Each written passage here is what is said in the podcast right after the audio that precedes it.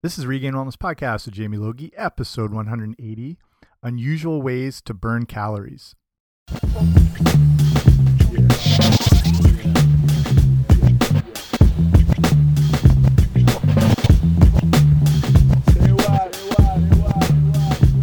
Hey guys, what's happening? Welcome back to the podcast. I'm Jamie Logie. I run regainedwellness.com, and this is Regained Wellness Podcast of the same name. Thanks for coming on out. If you're new, extra special welcome.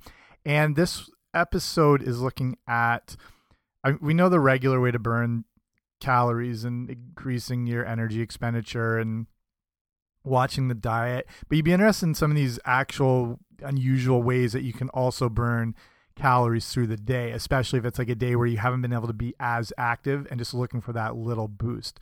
So that's what we'll be looking at right now. So I was saying, you know, obviously to burn more calories, you need um, a higher energy expenditure. And it's not as simple as the whole calories in, calories out thing that, like, if you, you know, eat 500 calories and burn 500, that's going to eliminate it, it, It's such a complicated thing that's so hard to get into. It, it the first thing to look at is you, you basically don't really know how many calories you're eating. Even if you're counting calories down to the individual calorie. when you look at packaging information, the FDA allows around a 20% um, you know, sort of mistake going in either way. So whatever you're reading could have 20% more calories or 20% fewer calories. Uh, and that falls into the in the you know kind of right um, guidelines. It actually and it's considered to be actually a lot higher than that, upwards of 25 to 30. And that's on packaged information stuff. And a lot of these companies are getting they're not actually testing the calorie content in that specific item. They're using sort of a database and, and going off of that. So it, it's really tough to know how much you're getting. Same thing with if you're actually eating something that's not in a package, which is more of an ideal approach. If you take like a couple of potatoes, they vary in size, density, where they were grown, the soil content, the nutrient content. So, I mean, the calorie variations between those two can be through the roof. And then you don't know how many calories you're actually burning off. You can use those calculators to determine it, but it's really, it really doesn't indicate what's happening with your body, depending on a lot of things like um, hormonal levels, stress levels, temperature, age, sex, all sorts of different things. But the main thing is when you do, I know that gets all kind of contrived. But the main thing, is if you do focus on real whole foods, your body just has this sort of built in mechanism to balance calories off better. It's when you start in adding all the other stuff and the refined manufactured foods, that's when the problems start happening. And that's when calories needs to be looked at a little closer. And then again, it's tougher to actually determine what you're actually eating. But if you do focus on the real whole foods that our bodies have been designed to eat, there's just this sort of regulation system that makes it a lot easier that you don't have to think about it that much. But looking at that, um, these are interesting. Hopefully, you find these interesting other ways that your body can burn more calories. And a lot of this info comes from healthline.com, which honestly is probably the best online resource for anything nutrition wise, as far as research, um, in depth, like review everything. Like they they do all the, like digging into like the real studies. It's something I use all the time. So the first one that helps you burn more calories is actually exposure to cold. And the exposure to the cold temperatures may help boost your metabolic rate by stimulating what we call brown fat activity in the body. So your your body fat stores are mainly made up of of white fat and they also include small amounts of brown fat. And these they're actually two different types of fats that have different types of functions. So the white fat its main function is energy storage. So having too much white fat tissue uh, that's obviously not going to be good. It promotes inflammation insulin resistance everything like that the thing though is you have this brown fat and the main function of it is to maintain body heat during cold temperature and depending on your climate or where you live in the world you'll naturally have more levels of this. It's just it, again it's one of those built-in mechanisms your body has used to survive and adapt to the conditions. So this brown fat calorie burning effect has been shown to um, vary among different individuals. In general, people who are obese seem to have less active brown fat than normal weight people. And this is done on animal research. So, I mean, it's hard to take, but it does give a good indicator on how it's working in mammals. So it's some of the research says chronic exposure to cold is believed to lead to the browning of that white fat. So now you have more of this fat that is actually working more in your favor as opposed to leading to inflammation and um, hormonal issues and stuff like that. So they looked at, there's a study that looked at um, men, younger men with similar body compositions, and they stayed in around 66 degrees Fahrenheit, around 19 degrees Celsius environment for two hours. So, though their calorie burning increased in all of them, the effect was tripled in those with the highest brown fat activity. So, then there's another study in, in 10 lean young men exposed to a temperature of 62 degrees Fahrenheit, 17 degrees Celsius for two hours. That led to an additional 164 calories burned per day on average. So, it basically just means if you are exposed to cold, your body is going to be more metabolically active. And you can do this a few ways. So, it, you've probably heard about cold showering. That's a way to absolutely spike your metabolism. Um, whether it's a straight whole cold shower, which is tough, or you um, near the end of a normal shower, you start to taper it off into into like warmer, cooler, cold, and transition it that way. Um, that's going to help. Just, As long as you like start lowering the temperature in the in the shower and not have it piping hot, will boost your metabolism. If you can do it, go for the full cold shower. You'd be amazed at what it can do for you. Um, also, like just lowering the temperature in your home. Um, if you if you like to walk or run, if you do it earlier in the morning when the temperatures are cooler or chillier, you'll get more of that metabolic effect. Okay, and then going along with that, another way, um, kind of unusual way to burn calories is to drink cold water. Obviously, you know you need water to stay hydrated. It's involved with you know every function in the body from digestion absorption transport of nutrients circulation temperature regulation. See it kind of comes back into that with that whole brown fat white fat thing again in your body's sort of built-in mechanism to to take care of itself and burn calories. So drinking water has been shown to temporarily boost metabolism in normal and overweight adults and children. And again this is from healthline.com some of their studies were suggesting that you may be able to maximize this effect by drinking cold water. And a group of researchers reported that 40% of this increase in metabolic rate is a result of your body having to warm up the water to body temperature. So you know your body stays at 98.6 degrees. If you're drinking something that is colder than that, your body's got to get it to that normal temperature. So it how it does that is has to be more metabolically active. That increases calorie expenditures. They found there's two studies here in young adults found that drinking 17 ounces, around 500 milliliters of cold water, increased calorie burning by 24 to 30 percent for 90 minutes. That's pretty huge, and um, considering like the effects that you get from exercise as far as metabolic rate.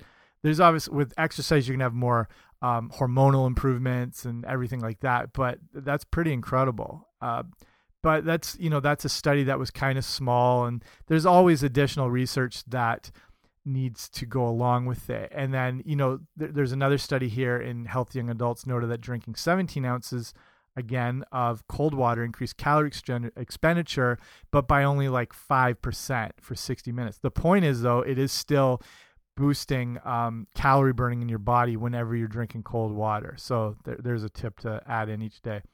Next one, and this is a weird one too, is chewing gum.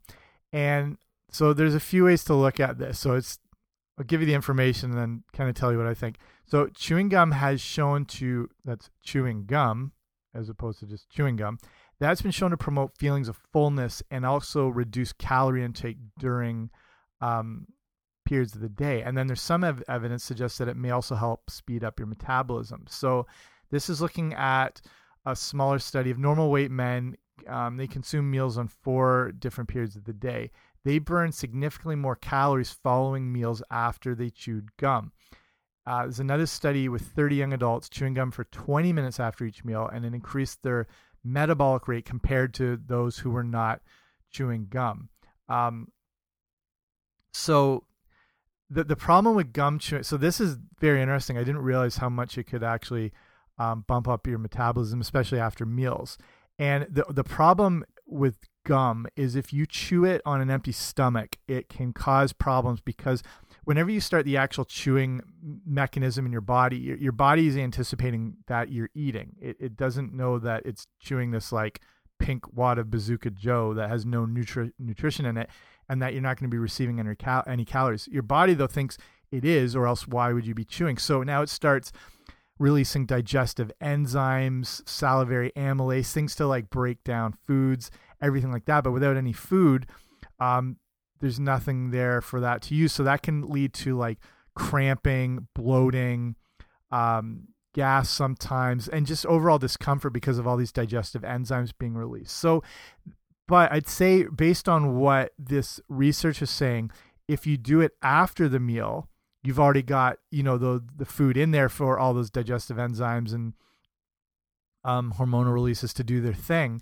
So you might actually get that benefit of that extra calorie burning um, and then not cause any of that, you know, bloating or, or cramping effect after. So that's a very interesting one. Okay.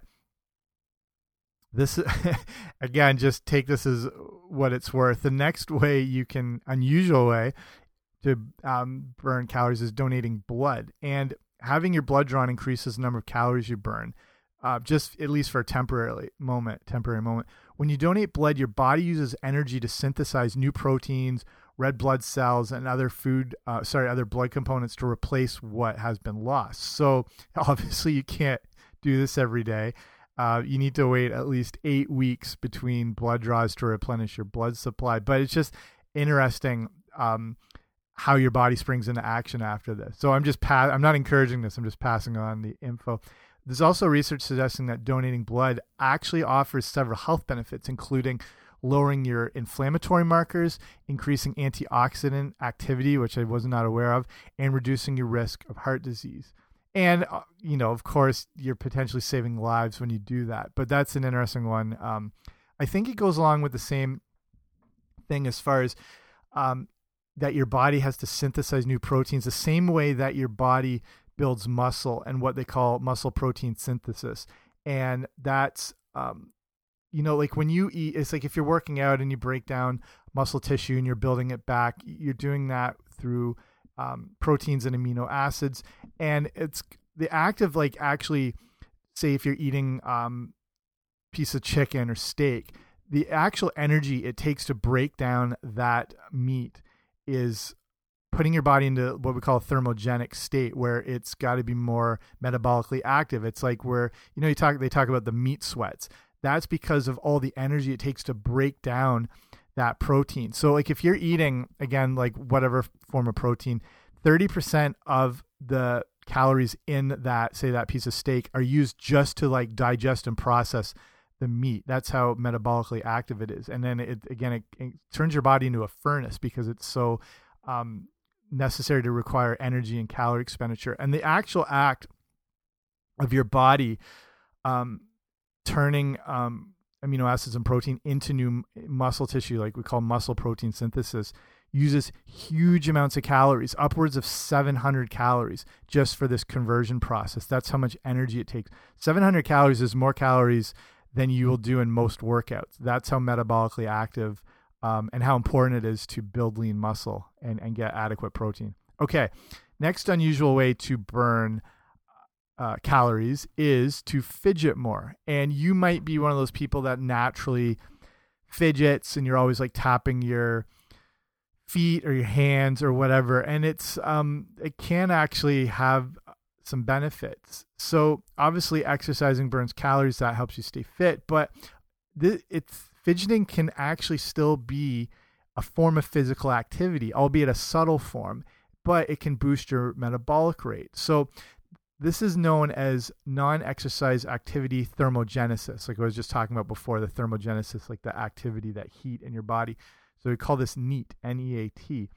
And fidgeting, you know, falls right into that. So it's, you know, whether it's you're moving in a restless manner, like you're bouncing your leg, or you're tapping your fingers on the table, or you like play with your rings or your watches, whatever it is.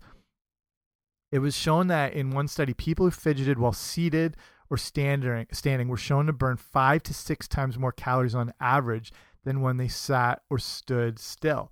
Then another study found that people with the highest body weight experienced the greatest increase in metabolic rate in response to fidgeting and other types of non exercise activity. And this is interesting because, like I was saying at the start of the show, on a day where, say, you like you weren't able to exercise or you weren't able to make it to the gym, or you had to spend longer at like work or more time sitting, this can be a way to burn some more calories that you weren't able to do in your other activity. And it does can and that fidgeting actually makes a real significant contribution to the number of calories you burn in each day. So this is another group um, of researchers suggested that a combination of fidgeting, walking, and standing could burn up to 2,000 additional calories daily, depending on a person's weight and activity level. And I've talked about this before on the show, but like if you're stuck at a desk all day, if you can at least get up for 30 seconds every 20, 30 minutes, just that act of standing is going to help make your body more metabolically active. When you sit for periods, especially like longer than two hours straight, you start, you know, kind of turning off hormones in your body that allow your body to burn body fat. Your body's just kind of like gone blah at that point. And as well, you have issues of not engaging engaging muscle and you know core act activation just standing is so beneficial. So if you if you can get up and move around more that's better but try not to be sitting for more than 30 minutes at a time which isn't always practical. But so it's interesting here with all these um, research that if you can combine some of that fidgeting like keeping your body active walking and then being able to stand that you can burn a ton of calories through the day. And that's awesome for those days where you just can't be as active as you were hoping for. And then, you know, that because that fidgeting may help burn calories and prevent weight gain, um, some experts have actually been calling for people to incorporate fidgeting and other forms of non exercise activity into their daily lives. Like if you are. Um, if you have any issues like that, just preventing you from exercise or activity or joint problems or conditions, if you can incorporate in these things like the leg bouncing and tapping, and just something that keeping your body active, it's at least going to be helping you burning more calories and helping to hopefully prevent weight gain. And then there's the obvious um, bigger versions of fidgeting, I'd call them, and that would be um, taking the stairs as opposed to an elevator or escalator. That is physical activity, but it kind of falls in to that non-exercise, you know, form of thermogenesis. This is where, you know, people use standing desks that can make a huge boost your metabolic rate that might might not be practical but then another thing which some people don't consider exercise but it is is like cleaning so whether that's cleaning your office or your room or the living room or house or garage it's one of those things like we just think of as um, I guess a chore, but it is an actual physical activity that burns a lot of calories, but then one that we don't sort of factor in. So all these things add up through the course of the day. Okay. Let's finish up here. And the last unusual way to burn calories is to laugh, actually. And, you know, they say laughter is the best medicine, but they there is actually research behind this. Again, as I was looking more into this, it's confirmed that when you laugh, it obviously improves um, a lot of things like mental and physical health, and it actually can in, like boost your memory and it can improve your immunity. It can also improve arterial function, um, better for like blood flow. It does a lot of stuff, but it also burns calories, which is weird. So they looked at a study with 45 couples watching movies that were either humorous or serious when they laugh during the funny movies, their metabolic rate actually increased by 10 to 20%, which is a lot. So, I mean, it, it, that might not sound like a lot, but the fact that it's just from this act where you just laugh for this second or two is pretty amazing that it can boost your metabolic rate. So, um, whether you can incorporate, it's hard to determine what can make you laugh, whether it's watching any shows or movies regularly that you know will do that, you're not only going to help improve your overall health and and and mental uh, health, but it can actually burn some calories at the same time. Okay, so let's start wrapping it up here. Uh, so, uh, like to to sum it up, like your metabolic rate that determines the number of calories you're going to burn each day, and there's a lot of factors that affect your metabolic rate.